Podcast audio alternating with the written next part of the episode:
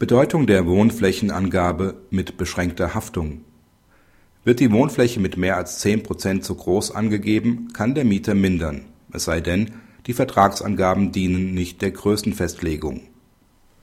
In ihrem Mietvertrag regeln die Parteien die Anmietung einer Wohnung, deren Größe etwa 54,78 Quadratmeter betragen soll. Zudem ist formularmäßig festgehalten, dass diese Angabe angesichts möglicher Messfehler nicht zur Festlegung des Mietgegenstandes dient,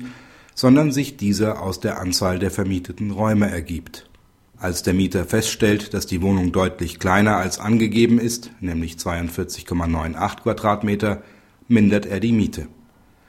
Der BGH gelangt zu dem Ergebnis, dass der Mieter zur Zahlung der Miete in voller Höhe zu verurteilen ist zwar darf eine Minderung der Miete vorgenommen werden, wenn die tatsächliche Wohnfläche um mehr als 10 Prozent von der vereinbarten abweicht, an dieser Voraussetzung mangelt es vorliegend jedoch insoweit, als keine derartige Vereinbarung besteht.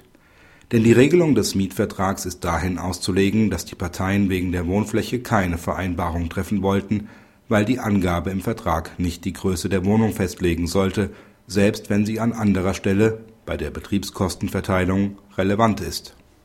Praxishinweis